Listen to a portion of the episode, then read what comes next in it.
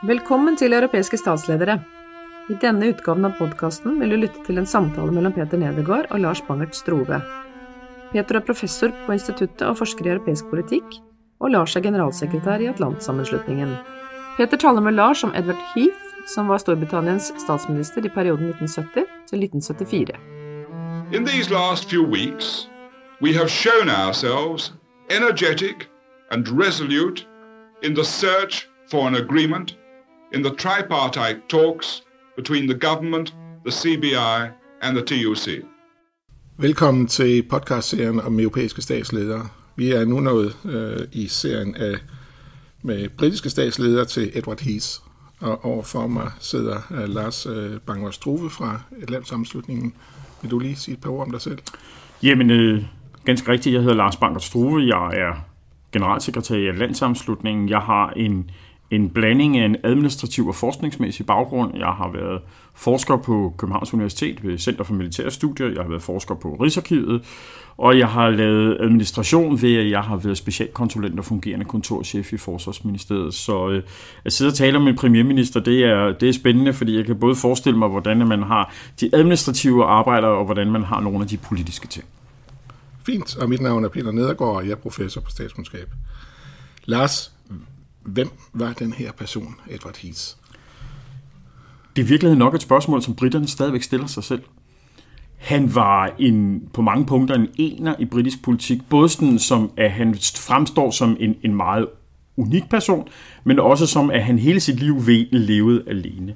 Han øh, er, var født i 1916 og, og døde øh, i 2005, og han var konservativ politiker i valgt ind i det engelske parlament i 51 år. Så det er virkelig en mand, der, der virkelig er, er ens betydende med en politisk karriere. Men hans liv startede jo inden parlamentet, og det var måske i virkeligheden med til i meget høj grad at forme ham som parlamentariker og som premierminister. Og hvad var hans liv, før han blev politiker? Han, han kommer fra øh, den lavere middelklasse, og det er jo noget, man går meget op i i Storbritannien. Øh, når vi ser diskussioner i dag om Brexit, så er det jo også en diskussion om, hvilken skole kommer de her premierministre fra, og hvem der har udfordret hinanden.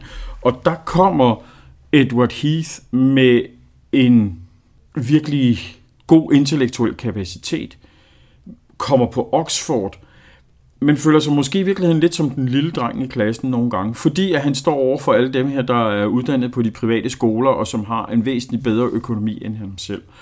Det gør nok også, at han i virkeligheden måske knokler noget mere end dem.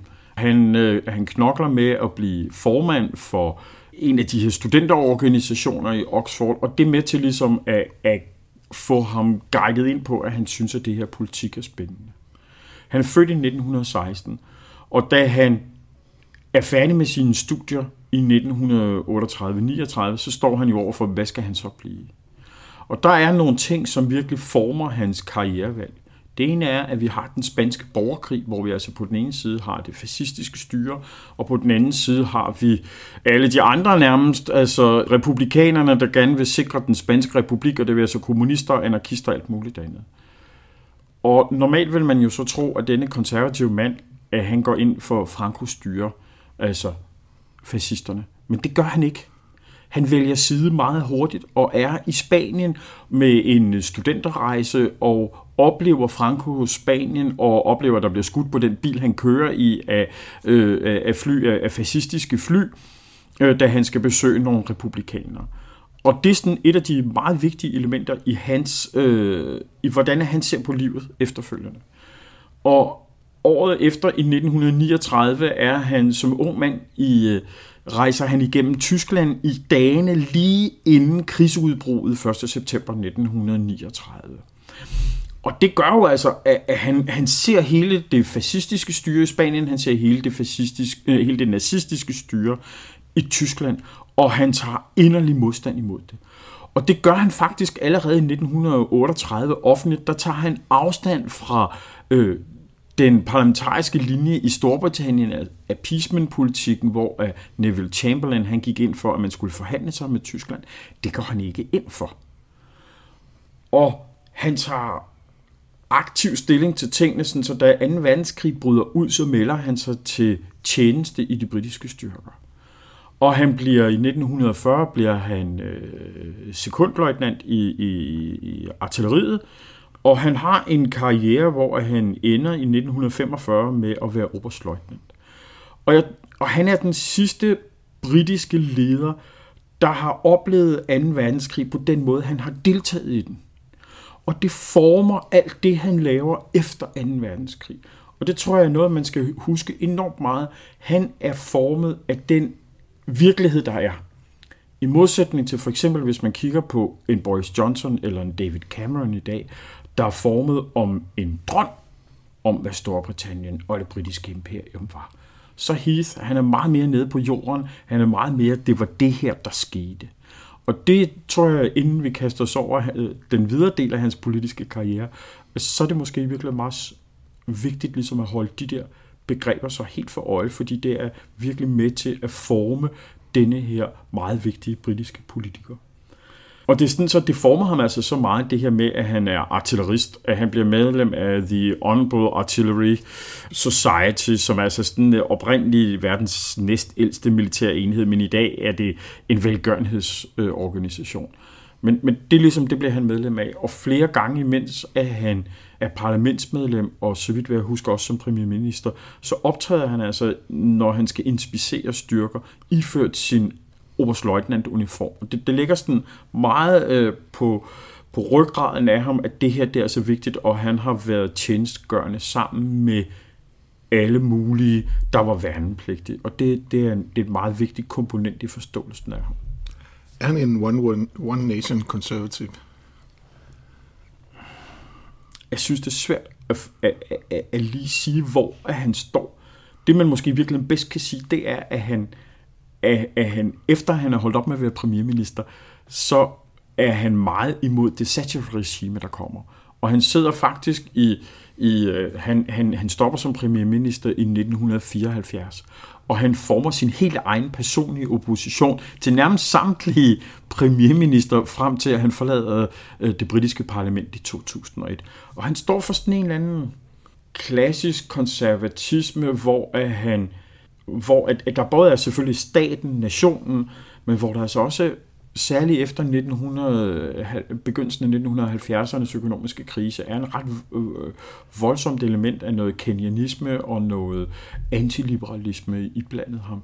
Øh, men, men om vi kan sætte sådan et, et direkte mærke på Heath, det, det, det, der begynder jeg faktisk at have lidt svært, fordi jeg synes i virkeligheden, at han, at han i modsætning til så mange andre i virkeligheden er sig selv. Han, øh, han er ikke ideologisk.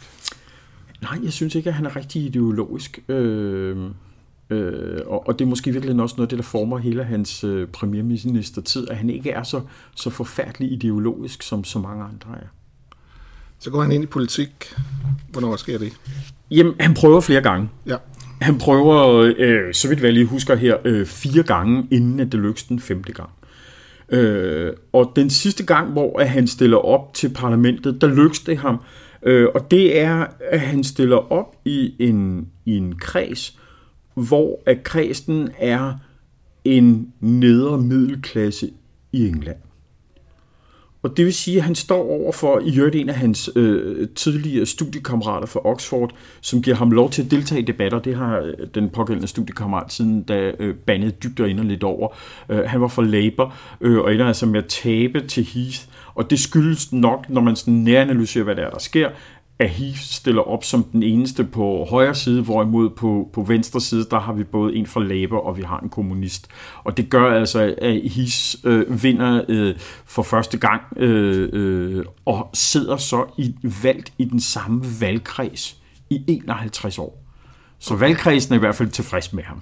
Hvor er vi henne i Storbritannien? Vi er... Åh, hvad sådan hedder det? Det hedder Bexley's. Øh, jeg kan simpelthen ikke lige huske, hvor det er. Omkring London er det. Ja, ja sådan ja. noget lignende. Øh, men, men det er altså nedre engelsk middelklasse, der ligesom øh, kan genkende ham. Ja. Han, er, han er en af dem. Han er en af dem, med Ja. en undtagelse. Ja. Han er ikke gift. Og det giver altså nogle, nogle, det giver anledning til en masse rygter i hele hans levetid. Han, han, han bliver aldrig gift, øh, og det kan jo ses som et handicap ved øh, enorme mængder rygter i det britiske samfund. Er han så homoseksuel, da han er død, så kommer der enorme rygter om, var han pædofil. Øh, sandheden er, at vi ved det ikke. Ja. Vi ved, at han levede alene, og han var nok i virkeligheden et ret ensomt menneske. Og det gør så til gengæld, at, at hans, øh, hans valgkreds ved, at han knokler. Han knokler simpelthen afsindigt meget, og det er måske i virkeligheden noget af det, der, der er sådan mest kendetegnende ved det her menneske. Han er en, der virkelig, virkelig flytter papirer i en umenneskelig grad, efter min mening. Han har to passioner. Det ene er at spille klassisk musik, og en del af de penge, han tjener, da han er på Oxford, det sker ved, at han øh, spiller på Aarhus i en af kirkerne, så vidt jeg lige husker. Og øh, den anden passion, han har, det er sejlsport. Og det bliver lidt et problem, da han bliver premierminister, fordi øh, han vil altså stadigvæk øh, øh, ud og sejle i weekenderne, øh, og de kan simpelthen ikke øh, få lavet en aftale med, at de kan få fat i ham. Så når han er ude at sejle, så er der altså andre, der må styre øh, Storbritannien. Han er altså jagtmand så, som om et øre, og det, det er med til at danne vi ved, at det, når nu jeg siger det der med passioneret om, omkring det med musik, at i Downing Street 10, der vidste hans medarbejdere, at han kunne gå op og ned af gulvet, og når han så satte sig ned ved klaveret, så havde han ligesom blevet forløst i sine tanker, og så sad han og spillede, og så var han ved at blive glad igen. Og så kunne de ligesom se, at så skete der noget nyt derefter. Det er sådan de, de mere personlige ting af ham. Men altså, han blev valgt i 1951 til parlamentet som konservativ, og der sker meget hurtigt det, at øh, blandt andet Churchill og andre erkender, at her er der en mand med en kæmpe arbejdskapacitet. I perioden 1945 til 50, der havde han været blandt andet været tjenestemand, og der havde hans kolleger tænkt, at han ville virkelig gøre karriere som tjenestemand, fordi at han havde denne her ekstreme arbejdsevne, og han virkelig satte sig ind i sagerne, og han kunne sagerne. Og det er nok også noget af det, der, der præger hans tid øh, efterfølgende, da han bliver parlamentsmedlem, og senere da han bliver premierminister. Han, en af hans første taler i parlamentet er bemærkelsesværdig, fordi den handler om, at han mener, at Storbritannien skal tilslutte sig kul- og stålunionen. Det siger han altså allerede i begyndelsen af 1950'erne. Og du spurgte mig, Peter, om hvad, hvad, hvad, hvad, hvad er hans øh, position sådan, ideologisk? Og der er virkelig nok en position, som er helt sikker. Han er europæer. Han er europæer. Han prøver i 1950'erne for Storbritannien med i Kul- og Stålunionen. Han prøver i, han bliver sat til i 1961 at prøve at få dem med ind i det, vi i dag kalder for EF.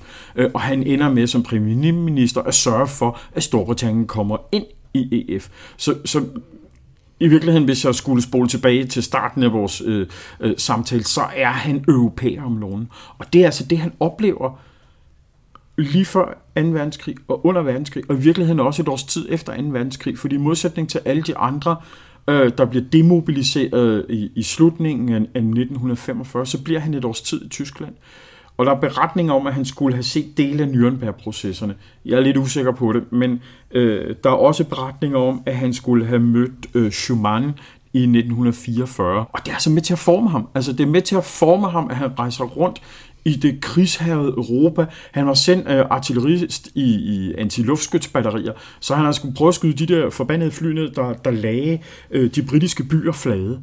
Så, så altså, det, det er virkelig noget, der præger ham det her. Det skal undgås. Krig skal undgås. Øhm, så det er, det er noget af det, der går hen og bliver, bliver formende for ham. Hvad der også former ham er, at han bliver meget hurtigt øh, en del i parlamentet af, af deres whip-folk. Altså dem, der skal sørge for, at den konservative gruppe øh, hænger sammen, hvad kan vi kalde for indpiskeren. Dem, der, dem, der styrer tingene. Og det har den interessante øh, position i sig, så holder man ikke taler i parlamentet. Og det vil sige, at vi, har, vi mangler faktisk Hises position i 1950'erne i offentlige taler i parlamentet. Og det er fordi, at han er pålagt at arbejde for The Chief Whip, og han ender selv med at skulle øh, være Chief Whip. Og det gør altså, at han, øh, han undgår at blive rodet ind i nogle skandaler. Han undgår at komme ind i og, og skulle tage stilling til offentligt øh, Suezkrisen i 1956. Og i virkeligheden så bliver han reddet af, at han har det, som mange andre vil anse for at være en møgstilling. Det gør, at han ligesom kommer ren ud, øh, når, når vi så er, er, er fremme ved omkring 1960-64 stykker.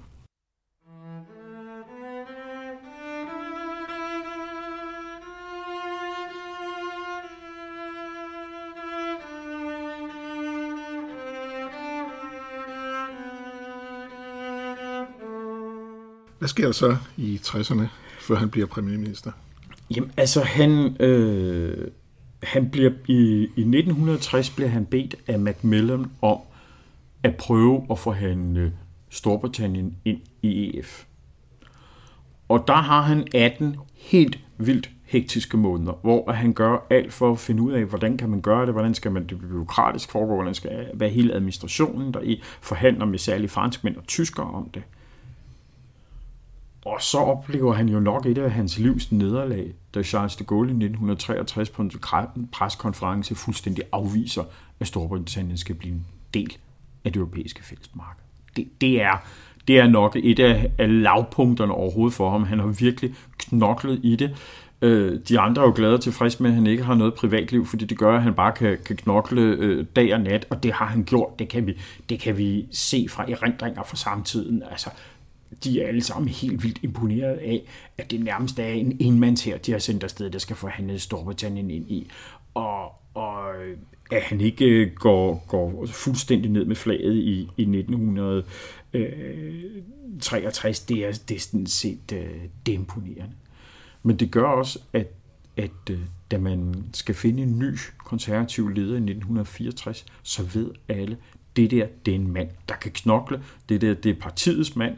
Han har været lojal for os hele vejen igennem. Han har taget alle de hårde tørne. Han er en, der kan gøre noget. Og han er den første konservative leder, der vinder en afstemning om at blive konservativ leder. Indtil da havde man haft sådan nogle, øh, man havde snakket lidt sammen om, hvem det skulle være. Øh, lidt konsultatorisk havde man fundet ud af, hvem der skulle være leder. Men han er altså den første, der vinder en afstemning. Men han vinder den altså kun med 150 stemmer mod, øh, mod øh, 133 stemmer, som Reginald Malding fik. Og det er måske i virkeligheden også, det burde måske tænde et advarselslampe, han er valgt med, med, med lige præcis over halvdelen af stemmerne, mm. men heller ikke mere. Og det er måske noget af det, der giver ham problemer sådan senere hen, når nu er han, han, han, han støder ind i at skulle være premierminister. Men altså, han er øh, de konservatives leder fra 1964 og frem efter. Øhm, og bliver altså så premierminister i 1900, øh, 1970 efter Harry Wilson, som vi også har været inde på. Efter Harry Wilson, som, som, som, øh, som Jørt så Jørt øh, overtager efter ham, da, da, da, da han øh, i 1974 så taber øh, et, et parlamentsvalg. Men han træder til på et tidspunkt i 1970, altså da han bliver premierminister, hvor økonomien er god. Og han forlader butikken i 1974, da økonomien er i sænk. Og han blev i virkeligheden ramt af noget af det, som rigtig mange parlamentarikere i begyndelsen af 1970'erne blev ramt af. En økonomisk, flere på hinanden følgende økonomiske kriser. Fordi det er ikke kun oliekrisen, vi har. Vi taler typisk om oliekrisen 1973, men i Storbritannien kan vi i hvert fald se, at den starter allerede i 72. Og der bliver altså en masse politikere ramt af, at det, de voksede op med, det er kenianske på den ene eller den anden måde, øh, Øh, måder at styre økonomi på. Og det er de værktøjer, de har. Og hvis de ikke virker, så har de faktisk meget svært ved ligesom at finde ud af, hvad sådan de så skal gøre. Øhm, det er sådan så, at da han bliver, da han bliver premierminister, så kort efter, sådan, eller to år efter, i 1972, så står Storbritannien med et inflationsproblem, og det står med et arbejdsløshedsproblem for den enkelte brite, så er, er det ikke sikkert, at man kan forstå inflationen. Men man kan i hvert fald forstå, at man har ændret møntsystemet. Det medfører en masse ballade. I Storbritannien man havde det her system med pund, shilling og pence. Og man fjerner shillingen og gør det sådan så, at der går 100 pence på et pund. Det gør man i 71, og i 72 har vi det første økonomiske problem, så kan enhver jo se, at det må der naturligvis være en sammenhæng imellem. Men det er der ikke. Men det giver jo altså nogle, nogle problemer for dem. Og de står, Heath og hans regering står med en million arbejdsløse. Man har ikke haft tilsvarende arbejdsløshedstal i 25 år. Og hvad søren skal man gøre ved det? Og i virkeligheden, da Heath tiltræder, så har han et, et arbejdsprogram, som er klassisk engelsk konservativt, hvor man skal, ikke, øh, man skal nok ikke gøre så mange ud af tingene, men det der velfærdsstat, det skal vi helst ikke ind på. Men i løbet af, af, af få år, så ændrer HIS sig til at gå ind for en langt hen ad vejen noget velfærdsstat. Han havde allerede taget de første tiltag omkring 1970-71 med at, øh, at øh, arbejde for, at man skal have bedre pensioner. At man skal investere i bedre skoler. Og det ser han nok i virkeligheden som sådan en langtidsinvestering i det britiske samfund, sådan så at det kan blive ved. Men, men til at starte med, der synes jeg, når jeg ser på ham, der starter han sådan klassisk britisk konservativt, men ændrer det relativt hurtigt. Og det er jo altså et opgør med sådan en, en, en diskussion i det britiske konservative folkeparti. Når man er premierminister, skal man så bare sørge for, at landet fungerer, og hvis der kommer en udenlandskrise, så håndterer vi det. Eller skal vi faktisk gå ind og prøve at regulere, gå ind og lave nogle ting. Og det er også det, der præger hans efterår. Altså efter at han er holdt op som premierminister, at han kører kontinuerligt opgør og positioner over for særligt Thatchers Storbritannien, hvor han kan se, jamen altså, hun prøver at, øh, at øh, gennemføre, hvad vi i Danmark vil kalde for nogle, nogle ret øh, liberale øh, ordninger, og det er han basalt set imod, fordi at han ender med at være sådan konservativ, der læner sig op af noget velfærdsstat, hvad hun jo på ingen måde gør. Og han banner nok i virkeligheden fordi, øh, over Thatcher, fordi at han er faktisk med til at hive hende frem. Både at hun stiller op i, øh, i, i, i valgkreds meget tæt på ham, hvor han så støtter hende, da hun ligesom melder sig på banen som, som, øh, som, som ung kvindelig konservativ, og han er faktisk også med til at tage hende ind i sin regering. Jeg mener, at hun bliver, hvad vi vil kalde for uddannelsesundervisningsminister. Men hvor he starter et, øh, et sted, hvor at det kunne være gået rigtig godt, så kommer der simpelthen bare den ene problemsag efter den anden. Vi har en dårlig økonomi, vi har et arbejdsmarked, som han prøver at regulere, hvor man, ikke, man har fået nogle enormt stærke fagforeninger i Storbritannien. Og det prøver han at regulere, og det går hen og bliver til Thatchers kamp i, i, i, i årene bagefter. Øh, Øh, han har to kæmpe store øh, strækker i 1972 og 1974, som, som, hvor der er risiko for, at man lukker hele det, det engelske samfund, og det er, det er minearbejderne, der er de førende i det her, som de også bliver det i, i senere i, i Thatcher-tiden. Og man får aldrig håndteret de her strækker, man får aldrig fundet ud af, man, kan, man, man, man får ikke i Hises tid løst de her ting. Så bliver han også ramt af Nordjyllandsproblemerne, som er et klassisk problem for konservative i Storbritannien. Jeg mener, øh, til at starte med ville de jo gerne beholde hele Irland under den, den engelske krone, øh, og, og, og så afgiver man dele af, af Irland og ender tilbage med at have Nordirland. Og i øh, 1972 har vi det, der hedder Bloody Sunday, som er i øh, oktober 1972. Der er der en demonstration øh, Øh, fra en borgerrettigheds, øh, en katolsk borgerrettighedsbevægelse, øh, Øh, nogle kender det fra YouTube-sangen om Bloody Sunday. Øh, andre kan måske, der, der findes nogle meget dramatiske øh, dokumentarer om det. Helt basalt set, demonstrationen går galt ved, at øh, First Para, øh, altså deres et af faldskærmsregimenterne i Storbritannien, de ender med at åbne ild imod demonstrationen. Man har prøvet at dække over det i overvis. Øh, og det har været en, skand- en løbende skandale i, lige siden da jeg op til, til nærmest i dag, at der bliver, der bliver dræbt øh, på selve dagen 13 civile demonstranter, og efter et par måneder dør den 14. demonstrant. Og det er ligesom noget, der, der præger hele det britiske samfund, basalt set op til den dag i dag, at der sker en militarisering af hele Nordjyllands spørgsmålet fra den dag af der har altid været problemer der. Der har altid været nogen, der har skudt, eller nogen, der har lavet et eller andet, og om man har været kriminel, eller om man har øh, tilhørt den ene eller den anden øh, del af, af, af de kæmpende styrker derop. Det, det har nogle gange været lidt svært at gennemskue. Men for Heath går det hen og bliver til et alvorligt problem, og man må deployere relativt store militærstyrker der til, og man får ikke løst det her politisk. Han gør faktisk et forsøg, og det synes jeg, det er måske et af de steder, hvor øh, Heath er blevet undervurderet. Han ser, at det her kan ikke lade sig gøre militært og han gør et forsøg på at få det, det løst i 1972-73. Men særligt 73. Men der er basalt set ingen af de konfliktende parter, det vil altså katolikker eller protestanter i Nordjylland, der er interesseret i en forhandlingsløsning, fordi de mener, at de har retten på deres side. Og det tager jo så øh, på den anden side af 30 år at få delvis løst problemerne. Den dag i dag, hvis man går ind og ser på, hvad der foregår af terrorangreb i Storbritannien, så skal man være opmærksom på, at hvis man går ind og læser statistikkerne, så er det altså nationalistisk terror, der primært foregår i Storbritannien. Der er øh, muslimsk fundamentalistisk terror, det er den, der lykkes bedst, om jeg så må sige. De har slået flest ihjel, eller forsøgt på det, men, men, men i dag, der er der altså stadigvæk terrorister i Storbritannien, som kommer fra Nordjylland, og det er et af problemerne omkring Brexit. Hvordan sørger man for, at det her ikke eksploderer en gang til? Så der er altså spor i Brexit-debat, der er spor i Nordjyllands debat, der går tilbage til Heath og nogle af de problemer, han ikke fik løst, desværre.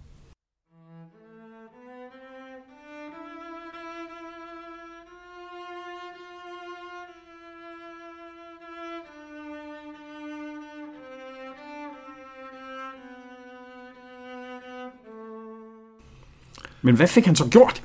Hans finest hour har vi Ja, det er det. Til. Du har kaldt det for hans finest hour. Det synes jeg, at du har fuldstændig ret i.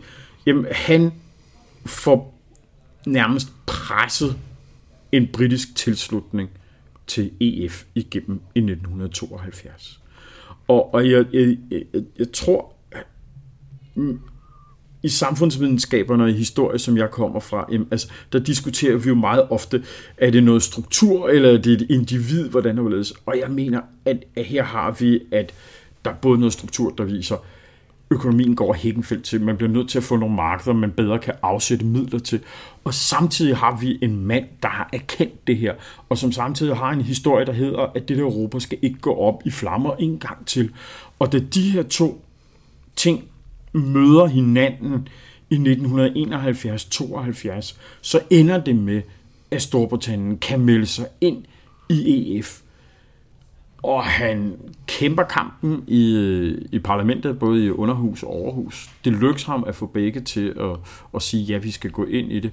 Og i virkeligheden i 1975, der gennemfører man den første folkeafstemning i hele Storbritannien, som handler om EF, og der stemmer man så, der siger man faktisk ja til, at man skal være ved, ved med at være i det. Så han havde altså luret en folkestemning, som en del af hans medparlamentarikere ikke havde luret.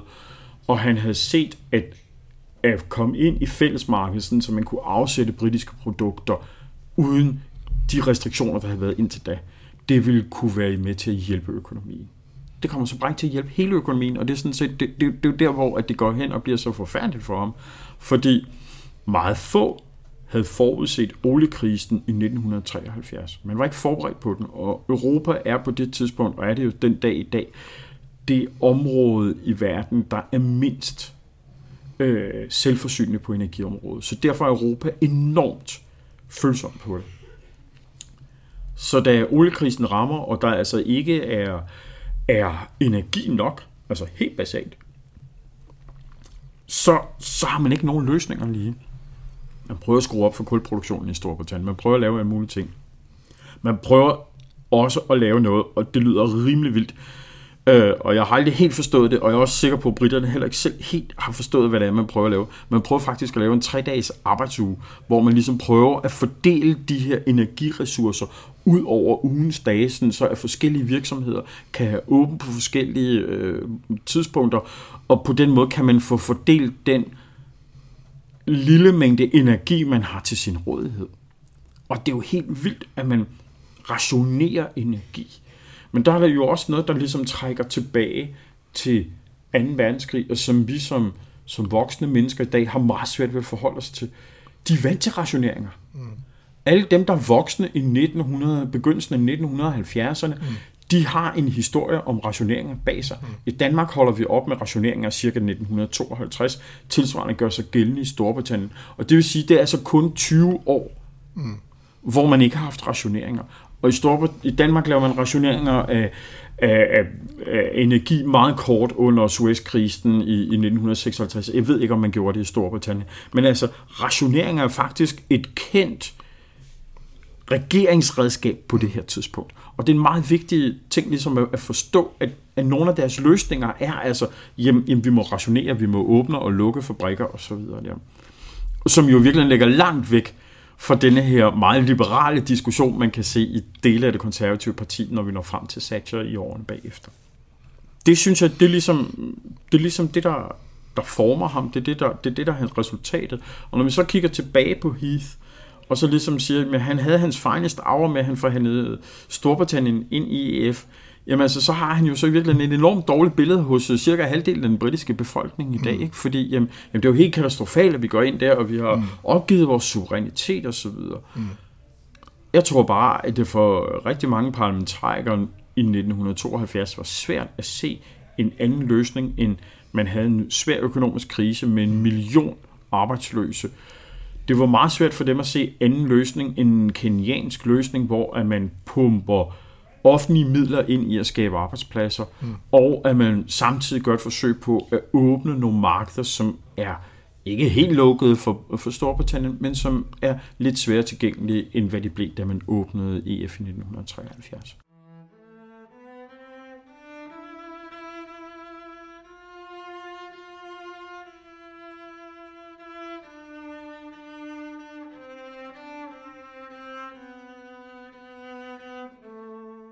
Hvordan ser man så på Heath i dag? Hvad hans, øh, hvad billedet er ham, hvis man kigger i det britiske samfund? Øh, både sådan blandt forskere, men også mere bredt i samfundet. Hvordan er jamen, der er de to positioner. Okay. Ikke? Altså ja, sådan, ja. Som, sådan som jeg ser det. Ja. Øh, og, og det ene, det er dem, der synes, at han er ulykken, der gjorde, at, at der, der er skyld i det hele går galt nu, fordi nu har vi Brexit. Ikke? Altså, ja. som, som, jamen, ja. Det var da helt forfærdeligt, at han tænkte på, på det, og når de så opdager, at han også allerede gjorde det i 1950'erne med Kål- og Stålunionen, så forstår de det jo slet ikke, fordi der en gang var Storbritannien stadigvæk et imperium. Men der er altså også rigtig mange, også dem, der er uenige med ham i, i EF-beslutningen i 72, der er imponeret af individet his, der bliver ved med at holde fast i sine holdninger, der er, bliver ved med at stille sig op med en konstruktiv kritik af, hvad der sker på den politiske scene, som var dårlig til at være på fjernsyn, som på ingen måde var den bedste og fødte taler men som på trods af det stiller sig op kontinuerligt og bliver ved med at holde sin position som selvstændig valgt politiker i hævd. Og det er der enormt mange fra, fra, fra hele det britiske politiske spektrum og forskning, som ligesom, som ligesom respekterer almindelige britter. Altså der er sådan en, en veneration for ham, fordi at han ligesom, jamen han var en gamle vand, der, der blev ved med at holde fast i sine holdninger. Han er autentisk. Han er autentisk. Uh, han, han, han gør noget, som de andre ikke, ikke kan gøre. Ja. Uh, jeg ved fra min far, som var, var, var med til at forhandle Danmark ind i EFT i, tilbage i begyndelsen af 70'erne. Altså hvordan, at, at, at man også dengang, der er folk, der, der arbejdede med administration inden for, for EF og i forhandlingerne der, altså der var, der var stor respekt om Heath og hans holdning, og, og den tror jeg i virkeligheden, at rigtig mange ligesom har holdt fast i at man kunne være uenig med ham. Altså, jeg vil så sige, at, at, at øh, folk, der var på Thatchers side, de, de synes jo, at han var mærkelig og irriterende og alt sådan noget. Ja. Ikke? Men han bibeholdt sit sæde fra 1950 til, til 2001 i parlamentet, og han blev ved med at være en røst i parlamentet, der talte en konservativ sag, og som havde sådan en, en øh, sund tilgang til tingene, som, som, som var... Jeg, jeg tror, Paul Slytters øh, taler om, at han, han, han var ikke så meget konservativ, at det gjorde noget, vel? Altså, det, det, det, er, ligesom, det, det, det er ligesom det, der, der på mange punkter måske rummer ham, øh, og som gør, jeg synes, er en, en, en spændende figur i britisk politik, og hvor at øh, havde man ikke fået oliekrisen, så kunne det jo meget vel være, at de tiltag, han laver i 1972 for at løse Altså, det lykkedes ham faktisk at reducere arbejdsstyrken, øh, arbejdsløshedstallet fra 1 million til 550.000 på et år. Så hvis oliekrisen ikke var kommet og havde væltet butikken, ja. så kan det jo altså godt være, at hans eftermæle havde set helt anderledes ud, og at han øh, havde kunnet øh, beholde magten efter valget i 1974. Kan vi kalde ham en common sense konservativ? Ja, det kunne vi måske godt gøre. Hvis det kunne vi måske hvis, godt gøre, hvis, hvis, vi skal se, hvis vi alligevel skal sætte et prædikat på ham. Ja. Skal vi afslutte med at kalde ham det? Tusind tak for samtalen om Edward Heath, en uh, stor brite, øh, som måske er glemt i dag, men som vi gerne vil slå et slag for, at man også tænker på som en af de store øh, britiske statsledere i efterkrigstiden. Tusind tak, Lars. Selv tak.